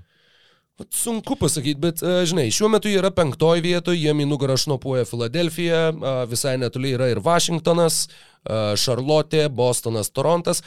Juos iš penktos vietos iki Toronto skiria mažiau pergalių ir pralaimėjimų negu kad Torontą nuo 13 vietoje esančios Indianos. Tad čia rytuose yra tas toks, ta tokia sangrūda. Esantis 12 vietoj tikrai yra didesnio potencialo ir labai įdomu, ką darys New Yorko. New Yorko Knicks, kurie taip, taip džiaugiasi praėjusiu savo sezonu, geriausiai lygos trenerių turi treniruojantį savo komandą ir Kemba Walkeriui teko vis dėlto žaisti. Aš Ir sakiau, jis nu, tapo savaitės krepšininku. Nu Ai, taip, mane tas šitas savaitės, labiausiai išnešė. e, savaitės krepšininkas dažnai yra duodamas, nu, to naratyviniu tokiu, mm Mhm, -hmm, ten mhm. ir Carmelo Anthony yra ga- gavęs tą tai, apdovanojimą. e, plus labai labai lemia, kad jeigu komanda laimėjo visas tą savaitę žaistas rungtynes, tada, nu, labai atsiprašau, dažniausiai tas apdovanojimas yra skiriamas žaidėjui iš tos komandos, kuri laimėjo visas rungtynes. Gi pernai Sadik Bay laimėjo vienas iki, ar ne? Tad irgi buvo, kur Detroitas kažką laimėjo, tu gauni už tai tą apdovanojimą. Šią naktį yra rungtinės sadikas Jo, uh, jo. sužaidė. The Unhappy Penis Bay. Kadangi jau pašnekėjau apie Sadik Bay. Sadik Bay, yes. Ir man atrodo, galime eiti prie paskutinės temos šiandien, tai nutarėm prisiminti. Greitai skrieja laikas, bet mes jau šnekam daugiau negu valandą, o atrodo dar ką Mažiau, dar biški mažiau negu valandą. Jo, mes kada mes Jo, pradėjome. 58 minutė dabar turėtų kapsėti podcast'o. Mm, mm, geras. Ir, ir ką, ir Sadikas Bėjus yra vienas iš tų e, 20 metais pašauktų krepšininkų, kurie yra, ne, labiau. Ne, kurie yra dar taip, nu, normaliai. Aš sakyčiau, kad Sadikas Bėjus 19 šaukimas, tai tikrai yra žaidėjas, kuris, kuris uh, sakau, prieš šitą pokalbį dėliojomės, e, kaip tiksliai apsibriežti, kokias čia ribas nusistatyti. Norėjusi pakalbėti apie antramečius krepšininkus, vienas konkretus žaidėjas iš esmės iššaukė šitą norą, taip, apie jį pašnekėsim. Taip, taip, taip. Bet jeigu tai yra keturi, sakykime, skirtingi lygiai ir juos pavadinti, žinai, yra žaidėjai, kurie yra su pliusu, Jo, jie, jie, taip, jie pateisina lūkesčius. Yra žaidėjai, kurie yra su minusu, kur mm, daugiau tikėjus. Yra žaidėjai, kurie yra su daugybos ženklu, kurie visiškai viršijo lūkesčius. Ir yra žaidėjai su dalybos ženklu, kur na, yra daug blogiau, daug blogiau negu mes tikėjomės. Tai aš Sadiką Bėjų dėčiau prie pliuso. Jis, taip. jis nėra daugybos ženklas, jis nėra, kad, o, wow, kaip čia, wow, wow, wow. Jis yra tikrai, tikrai, na, galintis žaisti NBA lygių žaidėjas. Ta įrodęs jau ir pirmais metais, tą įrodinė įrodinėjantis ir antrame sezone. Detroite, kuris aišku atrodo siaubingai, bet uh, kažkam tenai žaisti reikia ir tas kažkas yra šiuo metu Sadikas Bėjus ir, ir jam tą daryti sekasi pakankamai neblogai. Jo, aš irgi Sadiką Bėjų įdėjau prie tų krepšininkų, kurie išreiškia pozityvų. Hmm Nu, toksai, kad e, viskas normaliai. Ne, tikrai nėra tas, kur, oi, wow, 19 šaukimų, kokį jie čia žvėri pasiemė, žinai, nu, atrodo. Ne. Šiaip, nu, tai yra Detroito Pistons, e, labai daug, žinai, papasakoti apie jį negaliu, bet e, dar prieš paneriant visus šitus draftus, tai reikėtų turbūt apibriežti, kad, nu, nėra labai gera naujokų birža šita. Jo, iš tikrųjų. Jeigu tai ypač tai, tai. lyginti ją su ją supančiomis, tai aš nepamenu, ar kai mes tada įrašinėjom podcastą, Nu, kai, kai rašinėjai pakestą po naujokų biržos, tai tu aišku įsivaizduoji, kad čia kiekvienas krepšininkas bus naujasis Kavai Leonardas, arba Dreymondas Grinas, arba, arba Stefas Kari. Nu, kitokių tokių nelabai gali būti, bet man atrodo, kad jeigu gerai pamenu, pataisykit klausytojai, jeigu klystu, jau tada buvo populiarus gana tas naratyvas, kad šita naujokų birža nu, nėra labai stipri. Kad jinai yra e, top heavy, kaip sako anglakalbiai, tai yra, kad yra ryškių žvaigždžių jos viršūniai, o vėliau yra pakankamai e, greitas tas nuosmukis. Man atrodo, kad buvo taip šnekama apie 20, o 21 buvo kaip tik, kad yra labai pirmas ratas, yra stiprus ir jo galima ištraukti daug stiprių žaidėjų. Ir 220 naujokų birža iš ties, na, kalbant apie, nežinau, visų žvaigždžių rungtynių potencialą, pavyzdžiui, nu, tų žaidėjų tikrai nėra tiek jau labai daug. Šiuo metu aš matau tris. Tris. Žvaigždžių rungtynių. Aš įvardinčiau Bet vienas, keturis. Aš, aš įvardinčiau du, kurie, nu, nustepčiau, jeigu kada nors nepapultų į visų žvaigždžių. Dabar sakai, kad per savo karjerą, jeigu nepapultų. Taip, taip. Jo, jo. Ne šį sezoną. Jo, je, jeigu niekada nepapultų, reikėtų. Ir yra dar vienas krepšininkas, kur manau, kad jeigu jis toliau tobulės taip, kaip tobulėja, nu, šiemet ir kaip tobulėjo pernai, tai aš manau, kad jis galiausiai kažkada papuls, kai jo komanda taps dominuojančia jėga vakarų konferencijai, tai yra Desmondas Beinas.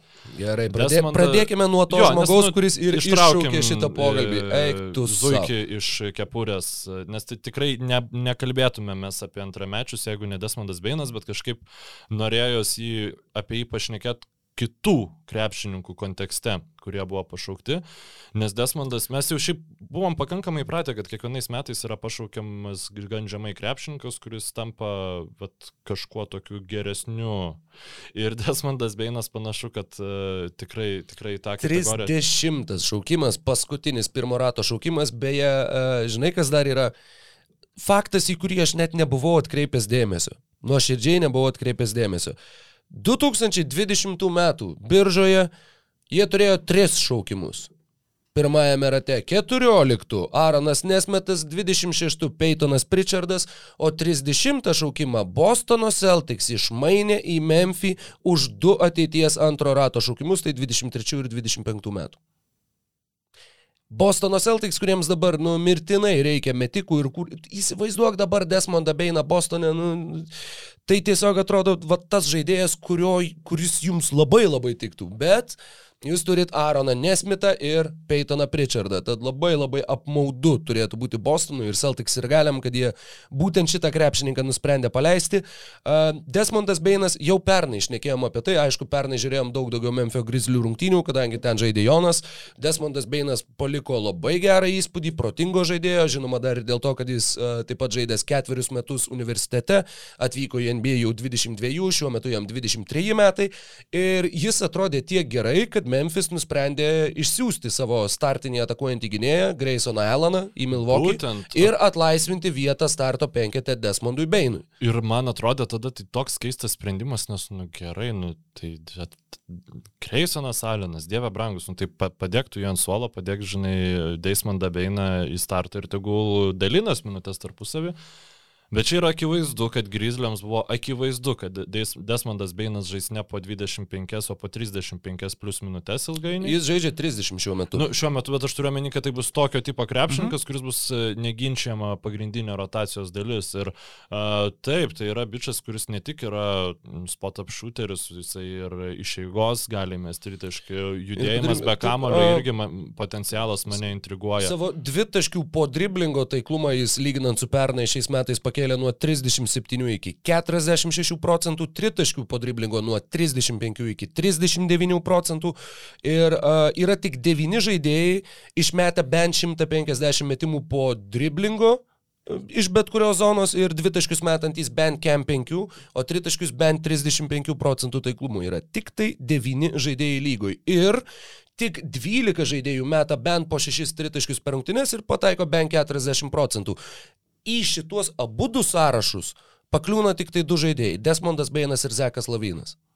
Tai yra antramečiui krepšininkui tai yra neįtikėtinas ir šuolis pirmin, ir tuo pačiu, kad jis gavęs daugiau žaidybinio laiko, ne tai, kad tiesiog renka didesnius skaičius, nežaidžia daugiau, jis pakėlė savo žaidimą ir jį pakėlė ženkliai ir NBA analitikai šitą Desmondo Beino sezoną jau lygina su to paties amžiaus Clay Thompsono sezono statistika ir jos yra beveik koja kojon žengiančios ir, žinai, Clay Thompsonas irgi tik tai vėliau tapo Clay Thompsonu, būdamas 23, jisai dar nebuvo uh, toks jau ryškus Taip. talentas. Su tokiais krepšininkais visada gali būti, kaip Des- Desmondas Beinas, kurie iš niekur tarsi šauna, visada gali būti, kad tas geras, uh, ankstyv, geras sezonas, jisai gali būti ir geriausias sezonas, jeigu ne karjerui, tai bent jau kurį laiką. Nes tas, žinai, kad jis dėjo šuolį šiais metais, tai, nu, ne visi krepšininkai deda tą tokio pat dydžio šuolį ir kitais metais, Taip, bet taip, taip, taip. Galbūt, tokį... galbūt tai ir yra jo karjeros pikas, negali žinot, bet tuo pačiu, jeigu ta trajektorija dar kils toliau, e, Brianas Windhorstas savo tinklalaidį Džamorantą ir Desmondą Beiną pavadino top 5 gynėjų duetų lygų. Aš kaip aš jo nemėgstu. Windhorstą.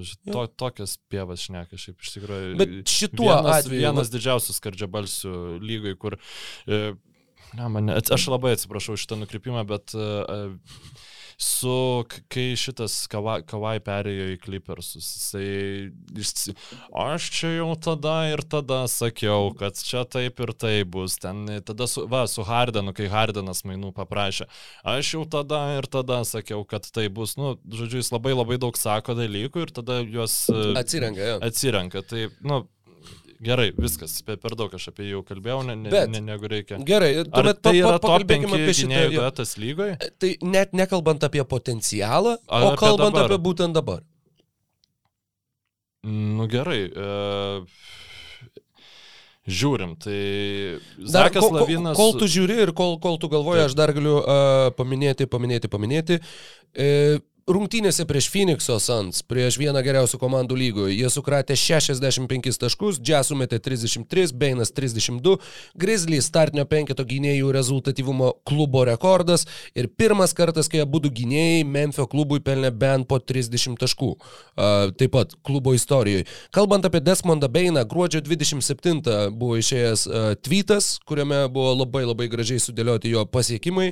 Šiam sezoniais gruodžio 27 buvo pelnęs daugiau taškų nei Tyleris Hero, Rinko daž, daugiau taškų per rungtynes nei Setas Kari, Setas Kari, pataikė daugiau tritaškių negu Damienas Lillardas, pataikė daugiau per rungtynes negu Trey Youngas.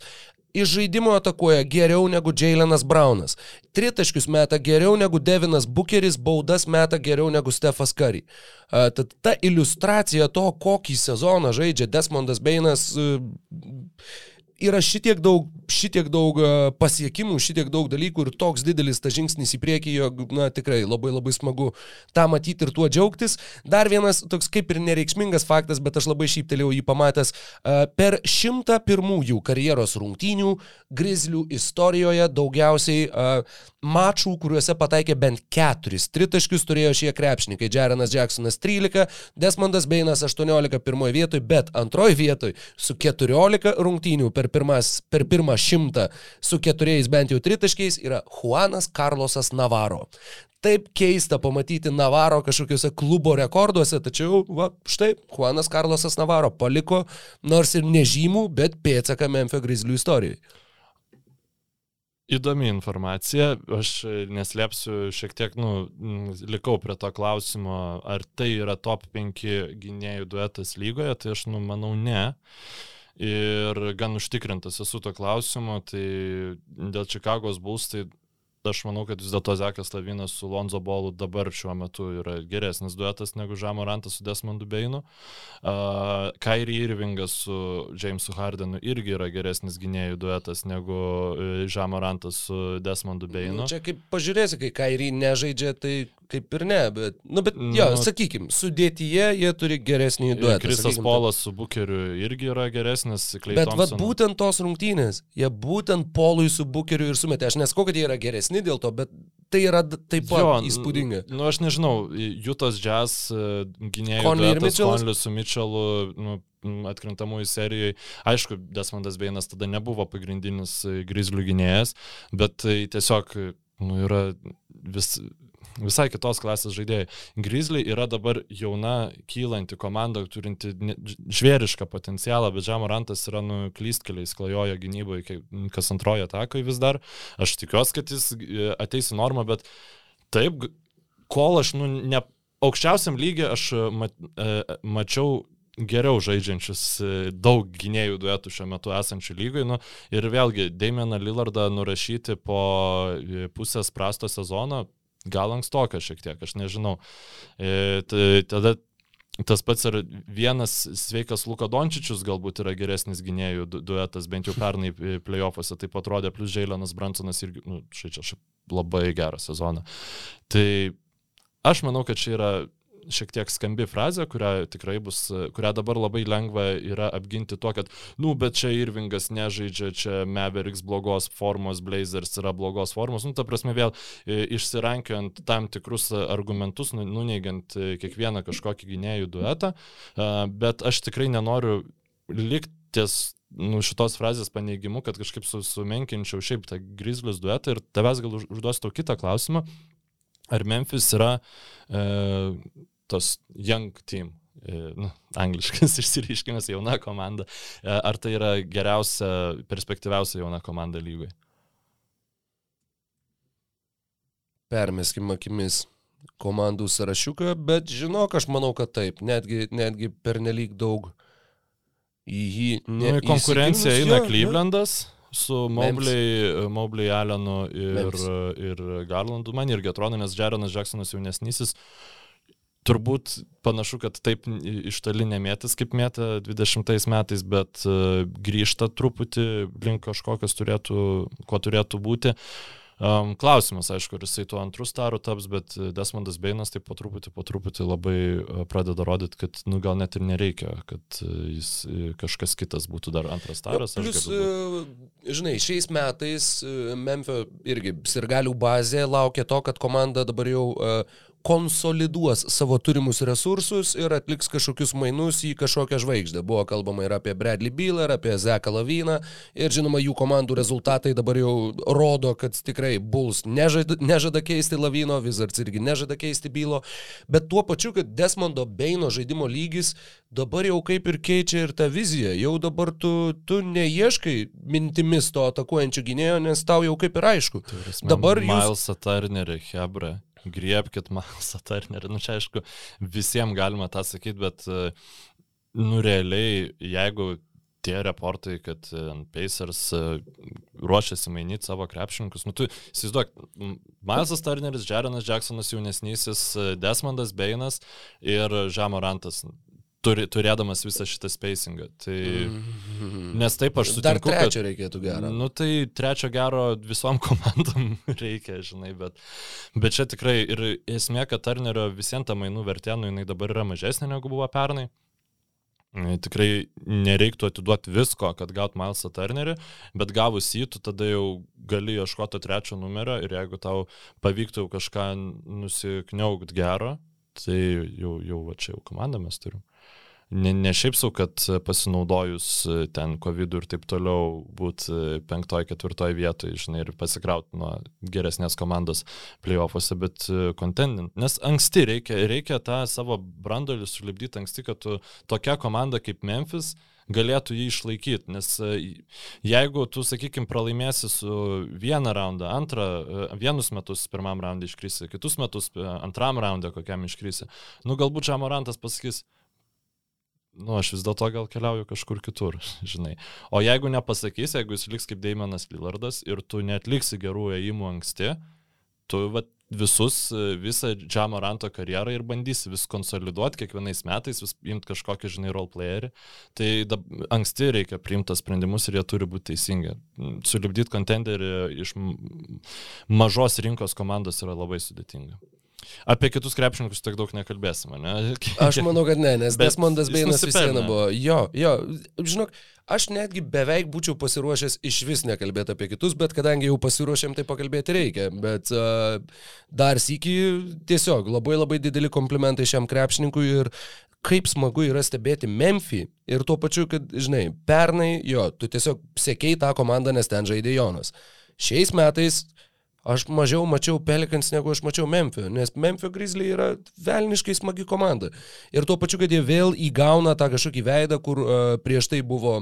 Mm, Grit and Grind Grizzlių era, kur uh, tu irgi kažkokią simpatiją vis vieną tai komandai jutai dėl to, kad jinai niekada nebuvo labai prabangi, niekada nebuvo labai jau kupina pirmo ryškumo žvaigždžių, niekada neturėjo jokios arogancijos, jokio, nežinau, hollywoodinio spindesio. Tai buvo ta dirbanti komanda ir dabar tai yra jauna ir irgi dirbanti komanda. Ir, ai, tiesa, į tą, tą ką tu išvardinai, jo, Dilonas Bruksas, jeigu ten užimtų lengvojo krašto poziciją, nu, taip pasikeisdamas su Beinu, abu kaip tokie 2,5. Jo, būtų, būtų labai labai smagi sudėtis. Memphis šių metų biržoje turi 3 pirmo rato šaukimus, tad jie turi ir ką pasiūlyti, sakykime, kaip būtent biržos kompensacijos atveju, jeigu tu ir neduodi kažkokių šiuo metu pajėgių ar talentingų žaidėjų, tu gali būtent pasiūlyti šaukimų, tad jo, bus įdomu, bus įdomu ir, ir Klausimas, kiek Memphis, sakykime, irgi turėtų nepasimauti ant to per anksti ėjimo į, į pergalių skynimą dabar, apie ką mes kalbėjom, kalbėdami apie Pelikanus ir, ir kitas komandas Clevelandą prieš keletą minučių. Taip, ir žinok, aš galvoju, kad galbūt reikėtų likusią podcast'o dalį perkelt e, kažkuriai kitai saitai, nes dabar e, valanda 15 jau įrašyta, nežinau kaip. Jo, nes, nes, žinai, iš, išsirašęs aš turiu jo, čia beveik porą lapų apie, apie uh, kitus tai antramečius tai, krepšininkus. Man Beino kitaip mes darysime jo, porą metų. Taip, tai porą metų, sakau, po, porą valandų. Preliudas, preliudas sekančiai tinklalaidai. Gerai, kurie... uh, dar du krepšininkai, kurie turi visų žvaigždžių potencialą, manau, kad čia labai aišku. Uh, bet yra... Nu, įvardinkim juos, Lamelo Bolas ir Anthony Edwardsas. Tikrai taip. Ir yra dar vienas žaidėjas, kuris aš manau, kad gali žaisti visų žvaigždžių rungtynėse ir taip, nu, žiūrint, kiek jo komandai seksis per artimiausius kelis sezonus. Uh, nes manau, kad uh, tikrai proveržio sezoną žaidžiantis Kaulas Anthony yra tas žmogus, kuris jeigu Orlandas per artimiausius porą ar trejata sezonų taptų, nu bent jau atkrintamųjų komanda, manau, kad jisai bus ryškiausias toj komandai, jisai tikrai bus rezultatyvus ir jis ir charizmatiškas žaidėjas ir žinoma, ribotas gynyboje, tai nėra, nežinau, elitinio super, super žaidėjo potencialo krepšininkas, bet tai yra žaidėjas, kuris turi labai didelį potencialą poliame, turi potencialą rinkti, nežinau, vieną dieną po gal gal net po kokius 25 taškus per rungtynės, kadangi jis vis viena yra pirmiau metimus medžiojantis negu, negu komandos draugam kuriantis krepšininkas. Ir manau, kad jisai turi to visų žvaigždžių potencialo ir aš jį pridėčiau netgi prie, prie va šitų žaidėjų. Jeigu Edvardsas ir Bolas Nu, labai Būtų labai nustebtų. Labai jeigu... liūdna, jeigu jie netaptų visų žvaigždžių krepšininkais, nes uh, E, na, Lamelo bolas tai tiesiog tai, aš tik traumą galėčiau tai paaiškinti, jeigu tai būtų klausimas, galbūt jis net ir šiemet jau taps visų žvaigždžių. Aš, aš, jeigu nuoširdžiai, aš, aš ne, nesigilinau dar į šitą temą, jau prasidėjo visų žvaigždžių balsavimas. Tai reikės, tai reikės, reikės daryti tinklalaidą, taip.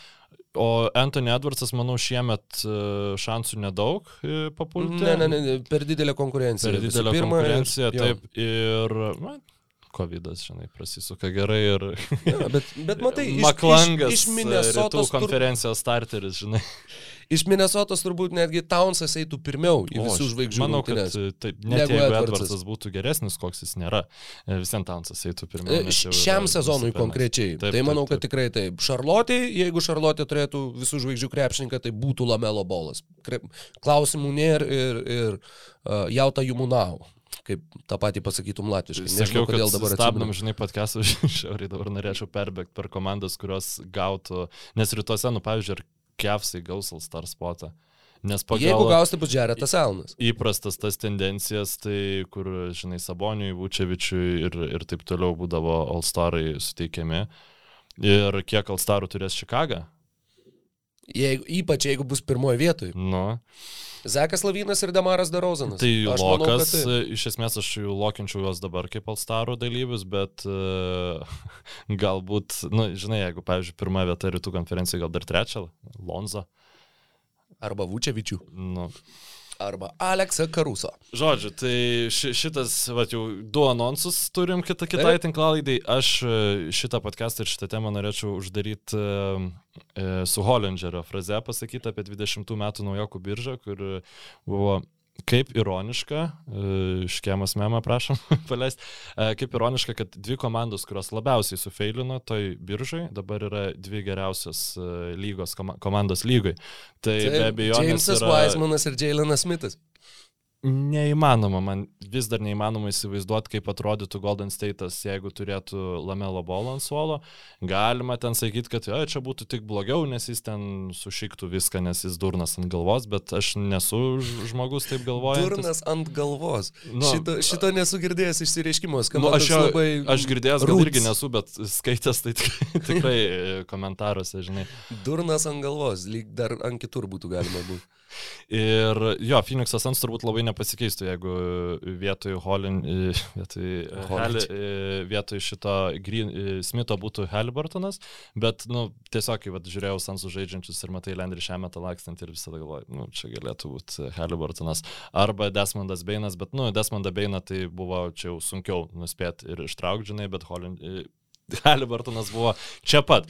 Ok, tai labai tikrai smagu, aišku, kad e, Lamelo bolas yra Šarlotė, jis ten daro tą komandą įdomią.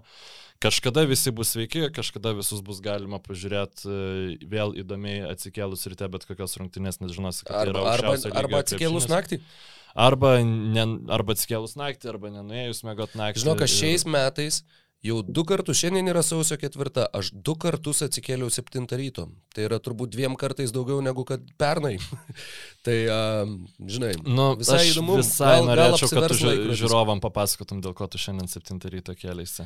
Sakai, užbaigti visą Užbaig, žinok, aš manau, kad mes apie tokias e, tamsesnės biškitemas, nu ne tamsesnės, bet romus labai podcastas buvo ir e, to Nu, aš, aš noriu dar sėki išgirsti tą istoriją. Gerai, žiū. Aš atsikėliau 7 ryto, kadangi e, aš labai labai seniai planavau ir galvojau užsisakyti tokį gerą namų išvalymą. Kadangi aš gyvenu e, bute, kur turbūt ten visokie virtuvės vamžiai yra nevalyti nuo, nuo, nuo Stalino laikų, kur viskas tokių storų riebalų sluoksnių pasidengia ir taip toliau. Ir aš galvoju, nei aš žinau, kaip man čia viską atgremšti, nei man turbūt labai gerai pavyktų. Aš geriau sumokėsiu pinigų kažkam, kas ateis, viskas sutvarkys, išblizgins ir tada va pirmą kartą per beveik trejus metus, kiek gyvenu tam būte, bus va viskas blizgės, bus gražu ir, ir aš galėsiu viskuo mėgautis. Plus, išsikrausė dabar buvęs kambariokas, už šį mėnesį susimokėjau nuomą vienas už už visus ir visi už vieną uh, ir galvoju, viską susitvarkysiu jau ir šiaip. Išsinešiau gal šešis maišus šiukšlių visokio šlamšto, kuris tiesiog stovėjo tuos trejus metus ten, nes kol kažkas kitas gyvena, tu nežinai, čia gal jo, gal čia nežinau, čia gal reikalinga. Dabar yra viskas. Jeigu yra kažkas, ko nereikia man, tai keliauja kaip benifėnį lauk iš mano namų. Uh, ir Paieškojau, uh, rašiau į vieną tokią labai vyrišką Facebook'o grupę lietuvišką, kur yra keletas tūkstančių vyriškių su bendrais interesais. Uh, ir... Pasakyk tos grupės pavadinimą. Ne, aš atrodo... nesakysiu to, tos grupės pavadinimo. Tegul atrodo, kaip reikia, kam reikia, tas žino fronto broliai. Uh, ir Žodžiu, parašiau tenai, paklausiau, gal kas turit kokių rekomendacijų, va čia kažką, kažką. Vienas bičiukas parašė, atsiuntė numerį, e, žodžiu, sako, va čia namų tvarkytoja, pas mane ateina porą kartų per mėnesį, ima 25 eurus už vieną kartą, viskas labai gerai, labai tvarkoja. Ir aš kažkaip pagalvojau, nu blemba, 25 eurai, pas mane ten 3 kambariai ir ten dulkių sluoksniai nežmoniški visur, ten voratinkliai tokie, kur, nežinau, kur atrodo, kad tarantulai gyvena namie, žinai, ten palubėjai ir taip toliau. Ir galvoju, nu kažkaip net būtų gaila, kažkaip 25 eurai, nu čia per mažai. Ir aš dar pasieškojau, pasigūglinau, radau štai puslapį. O, nuostabu, puslapis siūlo visokias valymo paslaugas, žodžiu, ko tau tik tai reikia, puslapis vadinasi nevark.lt. Ir gerai, nu čia jau užsipildžiau, aha, ten jau pažymėjau kvadratų dydį, man čia reikia valymo, taip ir taip, dar atskirai, žinai, langų valymas, dar kažkas. Nu gerai, langų valymas, kiek jums reikia išvalyti langų kvadratiniais metrais? Galvoju, kiek čia, ką, ką žinau, net metro namie neturiu, nu, 8 kvadratinius metrus, tarkim. Ir ten dar kažką tai spintelės, šaldytuvai, orkaitė, viskas atskirai, nu gerai, viskas susižymėjo, aha, 80 eurų. Nu, daug, bet, nu gerai, galvoju, bala nematė. Nu, vat vieną kartą sumokėsiu, man viskas namie blizgės ir vat bus 80 eurų. Pasižymėjau antradienį, sausio 4, aha, 3 val. dienos, viskas gerai, tu, tu, tu, tu, tu. Gerai, jau čia spaudžiu, patvirtinti, ar norite pakeisti laiką sausio 4, 8 ryto. Ne, aš nenoriu keisti laiko 8 ryto, ne, kas čia per brėdas. Nuspaudžiau, gerai, man turi patvirtinti, atėjo laiškas, man turi patvirtinti, žodžiu, tą užsakymą. Vakar ateina laiškas, at, užsakymą patvirtino, taip ateis, va, tvarkytoja 8 ryto ir, blemo, nu ne, aš, nu gerai, nu bala nematė. 8 ryto tai 8 ryto, atsikėliau 7, dar čia pasidariau kavos, iššokau į vonę išsimaudyti, įsileidau tą tvarkytoją čia, aha, ir jinai apsižiūrėjo ir sako, nu čia žinokit, aš turbūt kokias kelias valandas truksiu. Ir aš galvoju, tai The fuck do you mean? Aš tau moku 80 eurų, tu čia per pusvalandį man tikėjai viską padaryti. Tai aišku, kad tu kelias valandas truksi, bet nuskai, nu tai taip, tai čia, žinot, jokio laiko limito nėra, čia, žinai, kiek jums reikia, čia, nu man svarbu, kad čia švaru būtų, žinai, jūs kiek reikia, tiek dirbkite, viskas tvarkoja. Taip. Nu ir okei, okay. po poros valandų jinai ateina į mano kambarį ir sako, nu aš jau kaip ir baiginėjau, tai va čia žinai, eikit pasižiūrėti ar tvarko. Ir aš išeinu pažiūrėti, galvoju, kaip čia taip greitai jinai viską sutvarkė. Ir tu matai, kad, nu, Nu, okei, okay, vonę kažkiek pašvietė, aš fucking geriau tą vonę išsišviečiu negu kad jos darbo rezultatas. Visur tos dulkės likusios, visur tie voratinkliai likę, visur brėdas, ant šaldytuvo fucking riebalų sluoksnis, dar kažkas, nu kur... Tai buvo tiek blogai, kad jis, aš stovėjau ir jinai e, dar po to, dar atsiprašau, išsirbė ten kažką, aš pats tą siurblį irgi ten tvarkiau, traukiau pukus. Ir jinai galiausiai sako, na tai va, tai viskas, žinai, jo, ir čia eina, ir aš tiesiog, aš stovėjau su tokiu... Ir net negalėjau nieko pasakyti. Ir jinai, jau jai išėjus, aš pradėjau dainiaus Adomaičio rentą namie. Nes aš vaikščiau ir visur rodydamas pats savo sakiau, this is a fucking joke, this is a fucking joke. Nu kaip tu ateini sutvarkyti ir tu net, net, net nenuvalai paviršių kažkokiu. Kas per velnės, kas per brėdas. Tai sakau, 80 eurų sumokėjęs. Pirmas dalykas, kurį aš dariau po to, kai jinai išėjo, tai fucking ploviau grindis namie. Nes ji net to nepadarė. Tai buvo 80 eurų, kuriuos blogiausiai išleidau savo gyvenime. Nevark.lt lt trūksta vienos raidės pavadinime, tai yra nevarkė.lt ir aš ne tai, kad nerekomenduoju, aš rekomenduoju net, net neiti į tą puslapį, Tai yra ne viena žvaigždutė iš penkių, tai yra nulis iš šimto. Tai buvo blogiausia. Tai yra, ta prasme, aš netikėjau, kad galima taip šūdinai atlikti savo darbą. Šitaip šūdinai už tokią milžinišką kainą. Tai va, išsiploviau grindis, nusibraukiau voratinklius, nusišviečiau dar dalykų ir, nu, žodžiu, tai buvo... Pah, 80 eurų, realiai po 26 eurus už valandą pasėmė studentė mergaitė, kur aš nežinau, kas jį, gal, gal jį neprimato, gal aš nežinau, nežinau, kam yra bėda, aš nieko ne, nenoriu sakyti, nenoriu ten, žinai, sakyti vardo ar panašiai, nu, ten bala nematė, galbūt, galbūt, nežinau, žmogui prasta diena buvo, gal Neįsivaizduoju. Gal jinai kažkada, žinai, gal kažkada aš turėsiu šunį ir jinai išoperuos mano šunį ir, žodžiu, viskas tvarkys. Bet šiaip, tu labai teisingai sakei, kad čia tas pats, kas nueiti pas prostitutę ir galiausiai ją išėjus tiesiog pasibaigti pačiam. Arba, sakau, arba kaip ateini pas chirurgą, kad tau išoperuotų gerklę ir po, po narkozės pabudus tau sako, tai va, mes išvalėm jum dantis, o kitkam tai čia reikia jau specialių priemonių. Žinai. Nu, kur viskas, rant over. Ačiū visiems, čia buvo Embas, laimingai likit pasveikinti. Iki.